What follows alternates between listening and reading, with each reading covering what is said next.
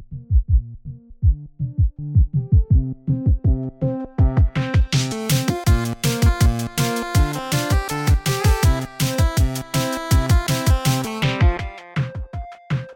Hej och välkommen till Spelfokus. Jag heter Gabriella Kalteneckar. Och jag heter Björn Flintberg och vi jobbar på forskningsinstitutet RISE.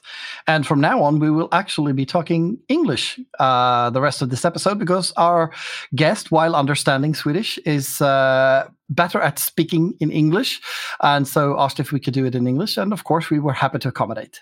Right. And our guest today is Patrick Prax with the University of Uppsala. Yes, uh, he's at Campus Gotland and he's uh, an associate professor there and he studies media literacy and talks about uh, game inclusion and um, patterns in, in design and uh, how we can interpret games better and understand both the uh, visible and less visible patterns that occur to affect uh, players in different ways. So, but we'll let him explain that. That's probably better. yes.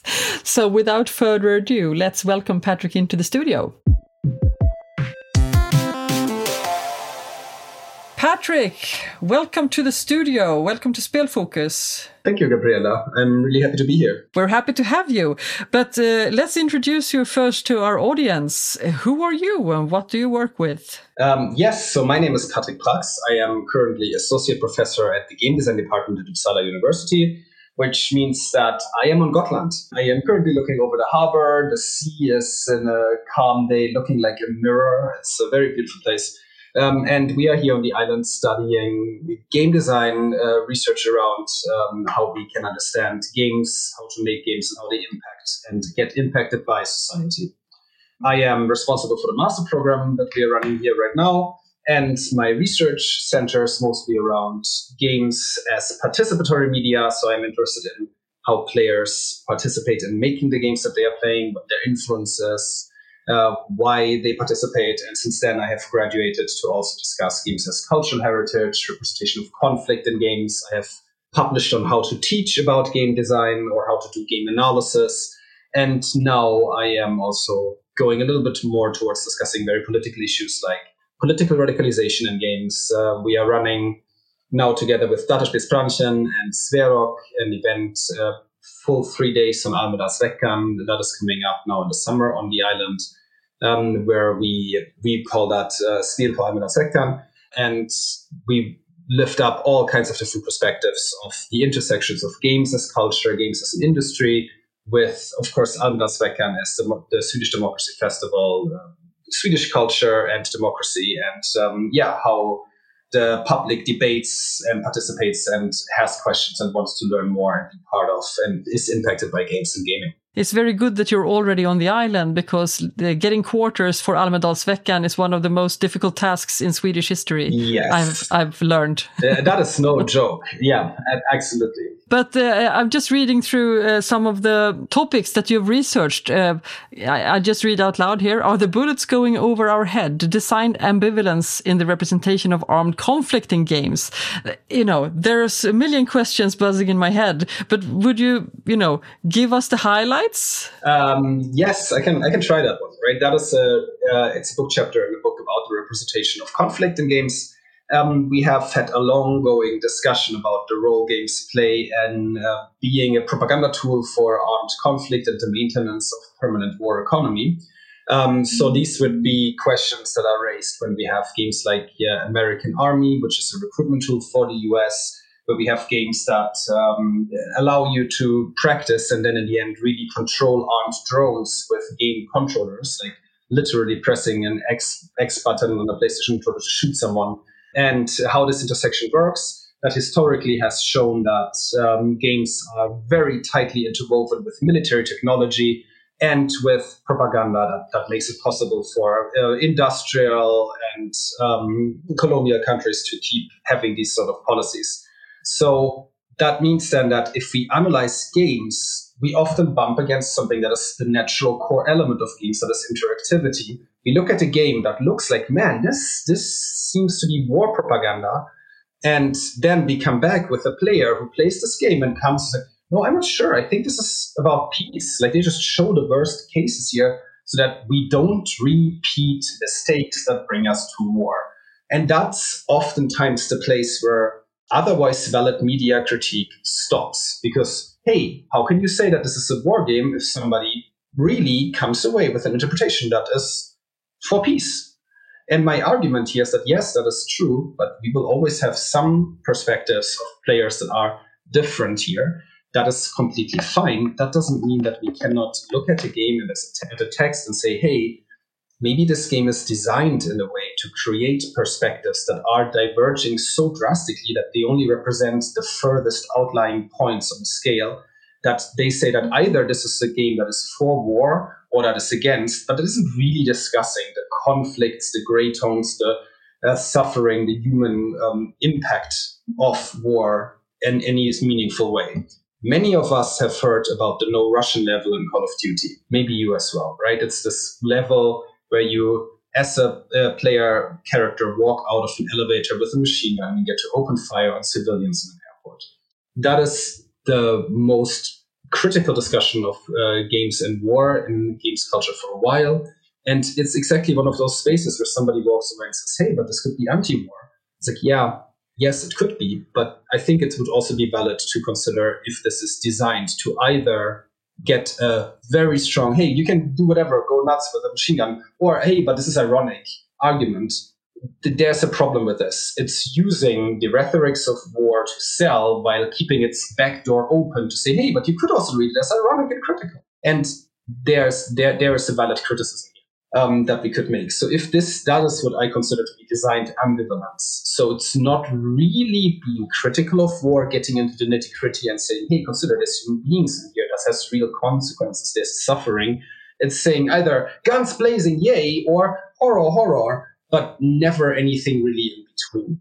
And if we have representations like this, then that should sort of become a red flag. And we should say, hey, what is really going on? Does it need to be this way? Could we do that? I was just made aware earlier today, actually, about uh, a game that was developed in India uh, about human trafficking where you take on the role of a girl that is abducted from her home uh, and used for human trafficking. And uh, as I was listening to this person explaining to me about the game, I, I was finding myself almost in tears because I thought it was so horrible. But the the purpose of the game, of course, was to um, make people aware of the reality of human suffering and you know that this is a reality, etc.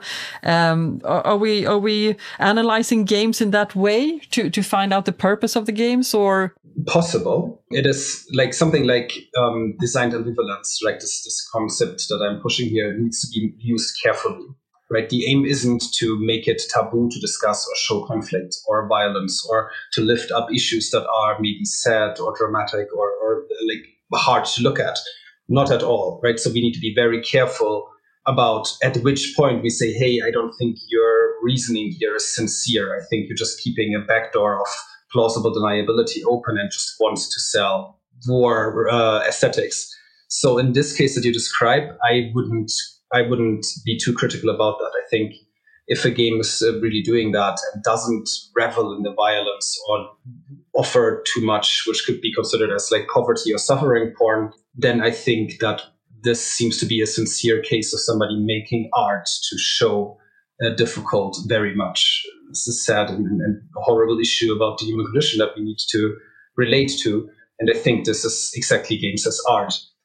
So, based on your description, that sounds like I would not be too critical of that. You discuss a little bit, I guess, about that in, in one of the other papers that we talked about before the show about social justice in gaming and about having the proper framework and the proper context when understanding and interpreting games. Um, so yes, that is that is recent work about critical media literacy, media literacy is an interesting term. Literacy means, of course, the ability to read.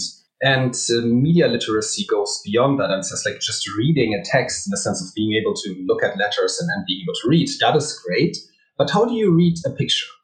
How do you read radio? How do you read digital media? How do you read a Facebook front page or a podcast or a game?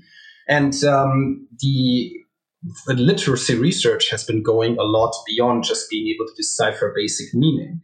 In the same way in which you would like students, for example, who are expected to function as democratic, empowered citizens today, you would like them to be able to look at the front page of a newspaper and be able to at least somewhat see through wild headlines that are claiming outrageous things and go like, okay, somebody's selling a story and puts that on the front page, right? So that is a very basic case of expecting people, young people in a democracy, to understand how a media works so that they are able to decipher what is going on there and can get to some sort of critical understanding of what kind of picture of the world is given to them. So it understands that, hey, this newspaper, this tabloid newspaper wants to sell, so it has a streaming out into the world headline. Probably it's not that crazy. Probably the world is still okay, right? So, in the same way, if somebody plays a game, say a mobile game that is trying to get them to spend a lot of money on digital items or uh, something else, we would like them to understand how are games made, how do games function, how do, how do they make money, what are the incentives of the people behind them, how do they represent the world. That is critical literacy, right? That is being able to see what is happening here, how am I potentially being manipulated so that they can see through that and can relate to these media texts as empowered adults, as human beings. That can be tricky because games can manipulate people in a number of ways. We had uh, a while back a colleague here in our department who was talking about his past as a designer for digital um, gambling games.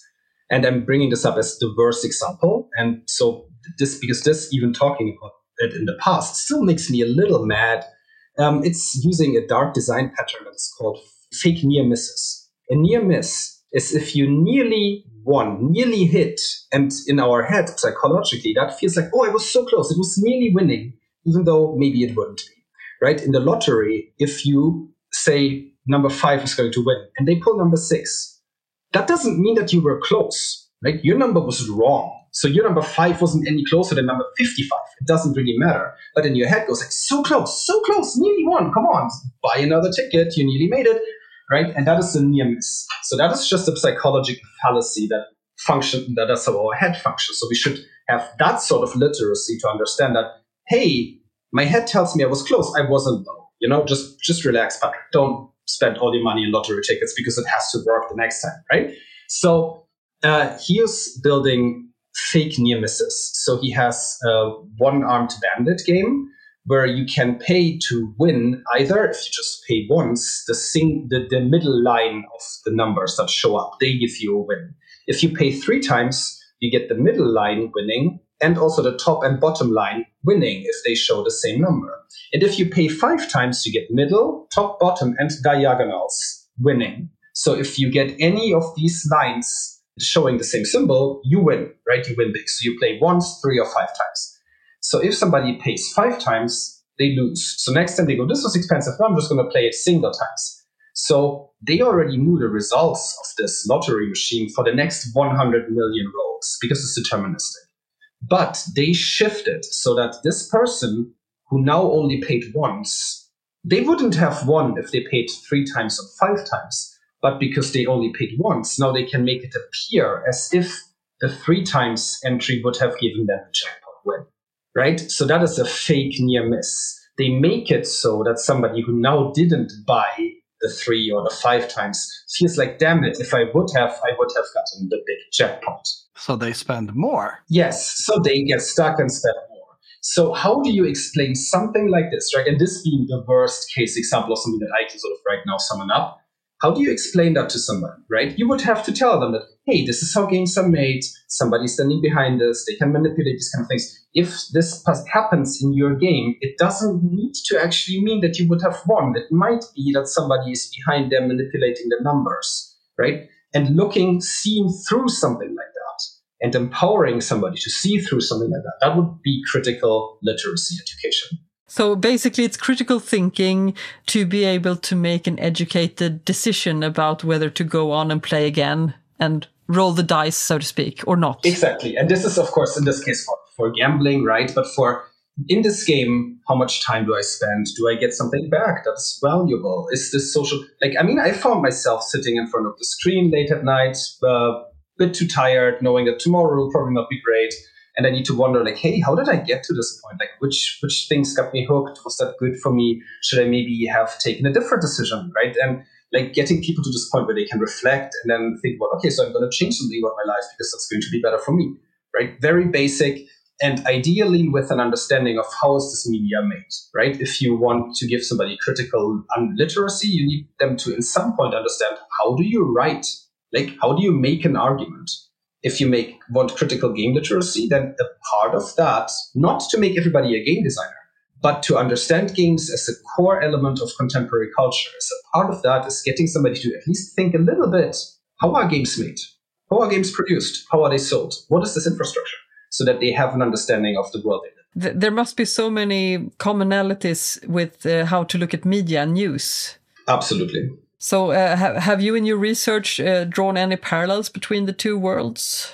I have been drawing heavily on literature about critical media literacy and critical news literacy, and I connect the two, right? So, my, my core argument here is that we need political economy, so understanding of how news sources and digital platforms make money to be able to understand what is going on.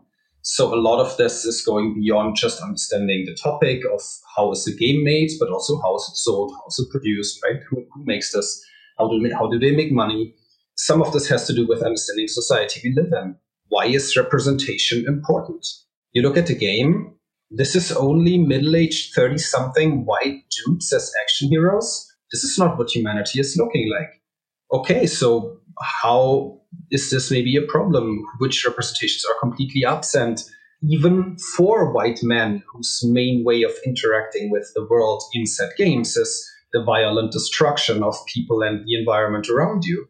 Right? What could be done? What kind of designs, what kind of spaces to express yourself or experience yourself are so far being untouched? What kind of stones are there unturned that could show us so much more about what it's like to be a human being? In your research or in your in your work in general, I was thinking about that when you told us the story here because in gambling instances, I mean there are a few other purposes apart from making money from the players. Obviously, entertainment games uh, are not just about making the money. You want to keep the players for a longer time, and you want to have a strong community and so on. How much of this, these that, that we're talking about now, obviously part of it is is about design decisions in the design process when you make the game that you want a certain type of representation or you decide to build in certain functionality in the game to to make players keep lo- play longer. Uh, being an avid civilization player myself uh, there, i mean there's even an expression for it just one more turn. Yes. Because you want to see your world progress. And so you you think if i just do one more turn then i can conquer this city or I can achieve this new milestone in cultural development or whatever it is. But there must also be quite a bit of sort of subconscious or, or the de- development and design decisions that are made simply because of the people who work in these companies. I, am I'm thinking about an example from uh, uh, that I'm sure you've seen this picture about or, or video about um, these um, automatic hand washers in airports that were designed and their tolerance for skin color was designed by white people so that when a person who is African American, the, the sensor didn't react. So there was no water because it wasn't designed for that. They, they interpret that as something else. I imagine, and you might be able to answer this much better. I imagine that some of the things that we see in games is not conscious sort of corporate decisions, but also the result of ignorance and and not understanding and not having worked enough with with inclusion and so on.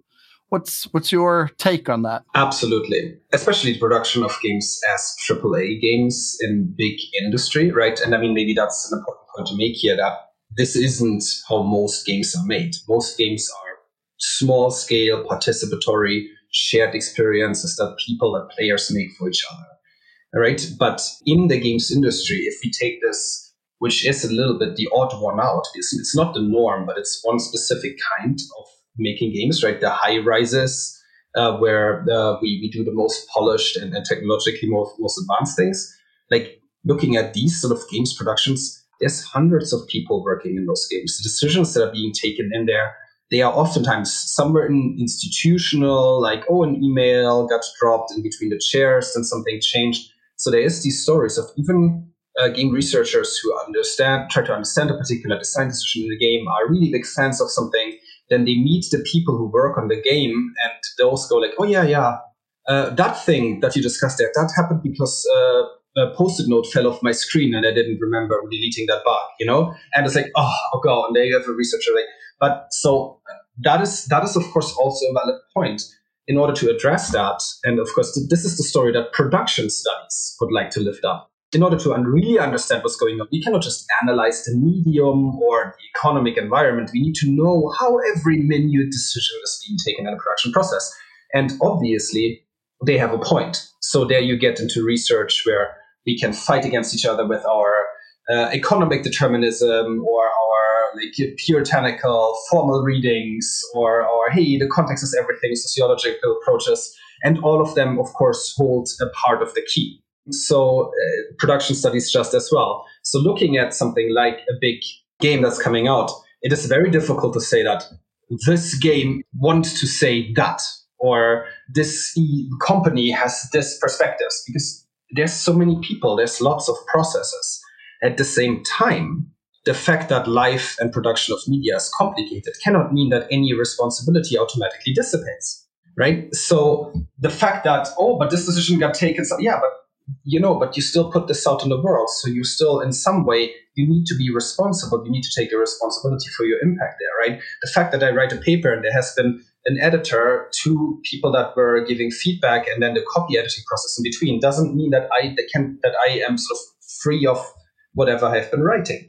So there needs to be also a willingness to step up and say, okay, cool, then we make our processes transparent, or we take a look what we can change, or we step up to the plate and and take our um, yeah, really look at the consequences here and see what we can do better in order to alleviate harm or uh, figure out who are the people that are getting hit the worst, right?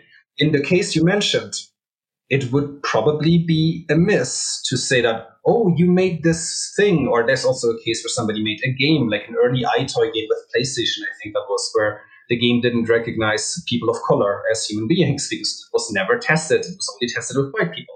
And there was a blog post of one of the people who worked on that telling the story of when they realized that was the case and went into shock, realizing, shit, we made a racist game.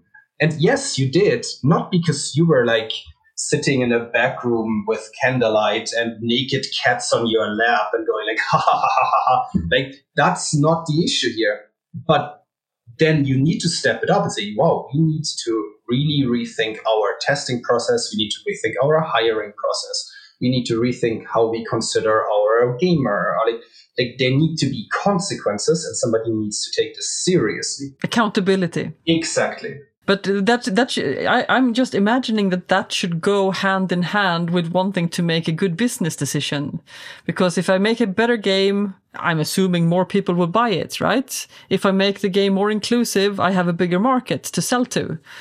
Is, uh, have you found that to be the case, or it's? I think it's the case in many situations, but I think it's also likely, it's like mildly naive to assume that it's always like that because it sort of makes the case that best for your business is best for everyone. And I don't think that is necessarily how it works. I think that there's big areas of games and gaming that make their money selling their games to however mildly or strongly bigoted players um, on game design conference a few weeks back, I talked to a game designer who came from a company, and he said, "Yeah, well, we sort of like it's, it's implicit knowledge in our company that we sell our game to people who are far right and who have these toting guns fantasies." So that, that we know that from market research that is our audience. We keep making and selling that game. So if you wanted to go to us and make sure that our community is Nazi free, that isn't going to happen because those are the people who buy our game. So that is that is also a thing, right? And assuming that best business is always best for everyone, it's like mm, I don't know. You know, you you would have to deliver some evidence. For it brings brings up another point that I know that you you've been spoken out about before, which is sort of the relationship between the research community and the industry. Now, I know that that some companies, especially the larger ones, have their own research teams and so on, but they, they are rarely researchers in media literacy or or societal impact. It's mostly technological uh, research, of course. What's your opinion on how how industry and academia can sort of help each other in making better games and, and making the games as, as a concept or as a cultural phenomenon be more accepted and and and because I mean obviously there is an issue in Sweden today that stems back all the way back to the 80s and the big uh, games are dangerous scare. Um, what's your opinion? What what can be done to sort of get these two types of actors closer together? Thank you for that question. Right, like the first thing about media panic is already something where we are on it. So one of the biggest topics that we lifted up, for example, our shared um, participation and uh, activity on Almedalsveckan is to from all participants and from all relevant perspectives, being research, being industry, and being civic society, with Sverok taking that stance of games are culture. Right? There's there's no way back from this. There's no reason. There's no single meaningful argument to deny this sort of status the fact that they aren't as visible as broadcast media doesn't mean that they aren't insanely widespread. And at this point, trying to understand contemporary culture without understanding games is a fool's errand. Um, online culture, youth culture, anything that is like happening in, in social media and TikTok on streaming on Twitch, like all of these elements are connected to and entwined with games and gaming, for better or worse. It might, for example, also mean that game communities are a fertile ground for uh, online radicalization and for finding young men and turning them into alt right uh, or neo fascists. So that is, again, taking responsibility for these sort of spaces. So games have, for better or worse, arrived. We can just say that this is the case. Trying to understand the world without thinking about games isn't going to work. So the next step then uh, is, of course, thinking about what where we can interact further than that. And I think that there's a lot of um, things that games research can and does offer to the industry, oftentimes around notions like, for example, representation, trying to understand players and their communities better, uh, stress, stressing something like the, the ownership of players over their culture and how they can be participating and uh, relevant members of this, or just something like the games industry for a long time still had this sort of perspective that the straight white man is the typical gamer. And research has been saying for a long time that this is not the case. Gamers are more diverse than that. And right now, we have a strong drive in games research that stresses that games have always been queer, games have always been intersectional, games have always been way more than the sort of mainstream identity that has sort of in retrospect or afterwards been imprinted on them. Um, they have been a place for transgression, for identity play, for all of these kind of things that were always at the very forefront of what this medium offers. So uh, we have elements of role play that is about transformation, that is about experiencing yourself in different ways, right? That's an absolute key to games and to play. That's how children play from the earliest days on, right? So yes, there's there's things that I think we can offer. Getting that internet interconnection to be more tight would be very interesting, both from the perspective of how can we get this research and these sort of findings to be useful and to be formulated in a way that functions for the industry. Academia has the tendency to act like an ivory tower, where the only things that are valid and relevant are publications that are read by a handful of other researchers and really nothing else. So breaking out of that would be important and finding spaces for intersections and for maybe uh, inter like talking about these are irrelevant research findings in the last years. Maybe this could be interesting for you. So that that would be I think super good. And we're trying to get something like that, for example, in Almedalsveckan. And I think that um, having researchers as being part of these sort of events is useful in also showing that this is something that the world or society cares about.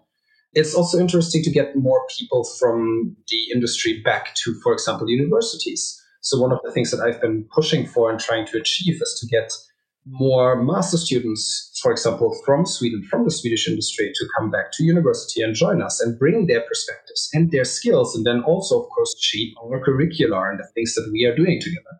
Right now, we don't get that as much as we would like to. So having that sort of uh, other point of contact where we are sort of merging and thinking about what we are doing. Hey, we have these people from, from the Swedish games industry. They are interested in these topics. Maybe we should publish about that. We should have a special issue, a conference. Like, what, what could that be, right? So there's a lot of potential to do more in this area in the future and, and get closer together.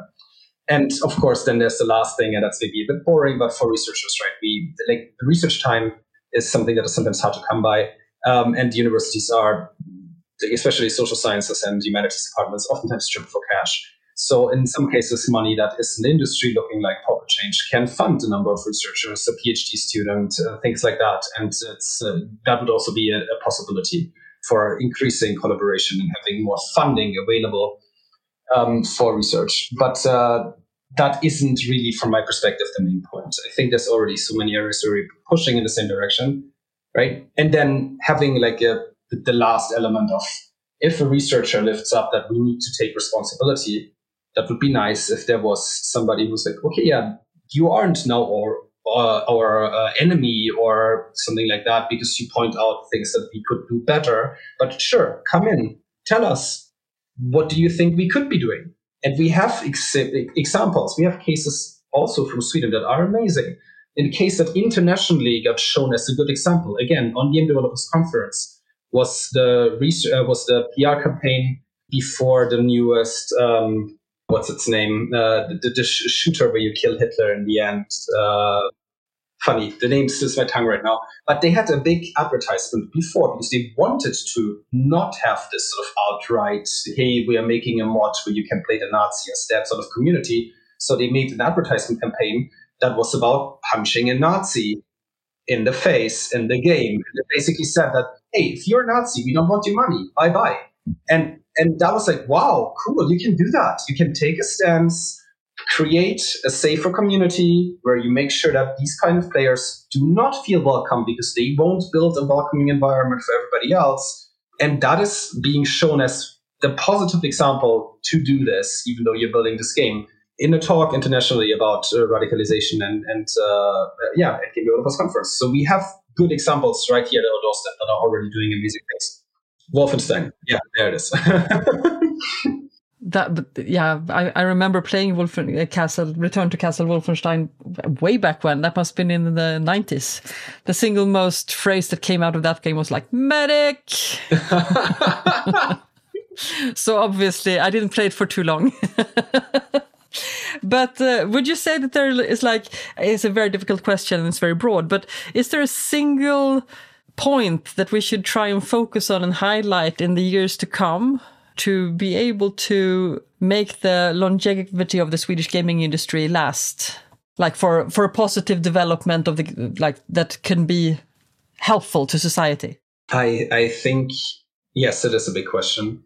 I think that uh, it would be important to not only focus on the already established big players, but to keep an eye to what made Swedish games industry this interesting place in the first place, which is that people make games, people from all walks of life play games, express themselves through them. And the strength of the Swedish system has been that people have had access to technology, have had education, and have had the possibility to follow their dream and make a game without being worried that they will lose, lose health insurance or it will come back and destroy their lives if it doesn't become a commercial success. Right. So that freedom, that security net, that ability to, in that case, maybe yes, follow your dream and express yourself. Uh, make that mod, make that uh, modification, this uh, new thing, and go out there. I think that is really the secret, and I think it would be important to stress that element and to really look at the making participatory creative making of games as the central pillar of the Swedish success story. Our time is uh, nearing its end, unfortunately, but I, I feel that there's a lot more that we can discuss. you can invite me back. Absolutely. Or tell people to come to Almedalen. Yes, please. And they can meet you in person. Well, and when is Almedalen, just for the record, for those who don't know? Excellent question. Almedalen this year will fall on the 27th to, I think, the 30th of June. We will have from Tuesday the 27th to Thursday the 29th uh, events happening at the game design department uh, in in uh, Visby on Gotland. Um, and soon all the events will be available as well online. Um, the website is, I think, called Spiel Almedalen. Um, and it's going to be possible to also search the uh, program. I will link it in the show notes to this episode. But uh, bring a tent, uh, go to Almedalen, talk to uh, Patrick Prax, and uh, ask all kinds of questions about how to make game more uh, accessible and interesting for society. Exactly. Thank you so much for joining us, Patrick. It's uh, always delightful to talk to you and also enlightening in many ways. Absolutely. Thank you so much for the invitation, and I wish you a relaxing weekend. All right. That was one of the more interesting sessions, I think. Uh, there's a lot to process. There's a lot to unpack, and Patrick is really, really good at at explaining complex phenomena in, in, a way that people can understand. So I, I, really hope our listeners got as much out of it as I think you and I did.